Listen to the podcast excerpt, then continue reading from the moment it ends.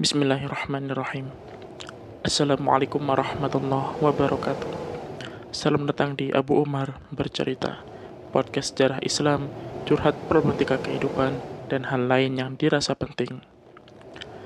Doa terbaik untuk teman-teman semua pendengar Abu Umar bercerita, semoga selalu dalam lindungan Allah Subhanahu wa taala dilancarkan rezekinya dan dilancarkan urusannya. Melanjutkan kisah kita tentang sirah Nabawiyah, kali ini kita akan membahas tentang salah satu putra Abdul Muthalib, yaitu Abdullah. Inilah Abdullah, lelaki yang dikorbankan.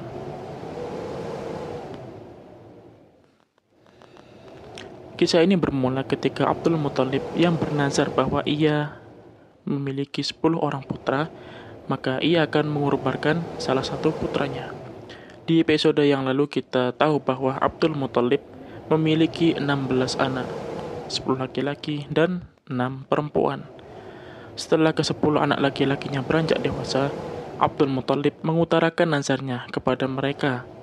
Ia menyuruh anak laki-lakinya menulis namanya di anak panah untuk diambil undian. Mereka pun mematuhi perkataan ayahnya. Setelah 10 anak panah ditulis, Abdullah membawanya ke Ka'bah untuk diundi oleh penjaga dalam Ka'bah dan keluarlah nama Abdullah yang akan dikurbankan. Abdullah adalah anak yang paling disayang oleh Abdul Muthalib. Ia adalah saudara kandung dari Abu Talib dan Zubair. Ibunya bernama Fatimah binti Amru. Namun nazar haruslah dilaksanakan. Abdul Muthalib membawa Abdullah ke hadapan Ka'bah dan bersiap menyembelih Abdullah.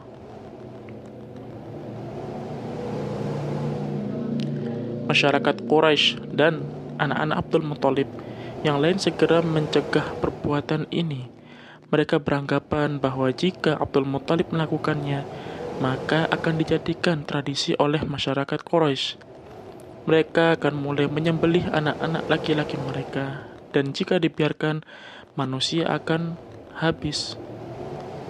Akhirnya masyarakat Quraisy menyarankan agar Abdul Muthalib mengunjungi seorang dukun yang tinggal di Madinah untuk meminta solusi dari permasalahan ini. Menurut kabar, dukun ini memiliki teman dari bangsa jin yang biasa memberi nasihat. Akhirnya berangkatlah Abdul Muthalib bersama beberapa orang Quraisy menemui dukun tersebut. Setibanya di Madinah, ternyata dukun itu sedang berada di Khaybar, kota yang terletak di utara Madinah. Mereka melanjutkan perjalanan ke Khaybar dan berhasil menemukan dukun itu. Setelah diceritakan permasalahannya, dukun itu menyuruh mereka pulang. Katanya, ia akan berkonsultasi dengan jin yang sedang membersamainya. Keesokan harinya, dukun itu memberi solusi berupa Abdullah akan diundi bersama 10 ekor unta. Undian itu harus ditulis di anak panah. Setiap undian yang keluar nama Abdullah, maka tebusan itu diganti dengan 10 ekor unta. Terus begitu hingga keluar nama unta. Abdul Muthalib dan masyarakat Quraisy setuju dan mulai melaksanakan perintah dukun itu.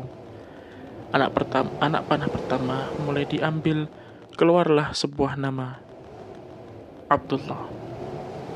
Abdul Muttalib pun menggantinya dengan 10 ekor unta. Undian diulang lagi dan muncul untuk kedua kalinya nama Abdullah. Abdul Muttalib pun menambah 10 ekor unta lagi hingga totalnya ada 20 ekor unta.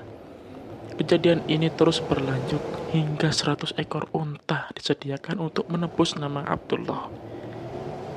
Akhirnya pada pengambilan berikutnya nama untalah yang keluar sehingga Abdullah terbebas dari pengorbanan itu. Sekitar 200 ekor unta disembelih oleh masyarakat Quraisy dan dagingnya mereka nikmati bersama.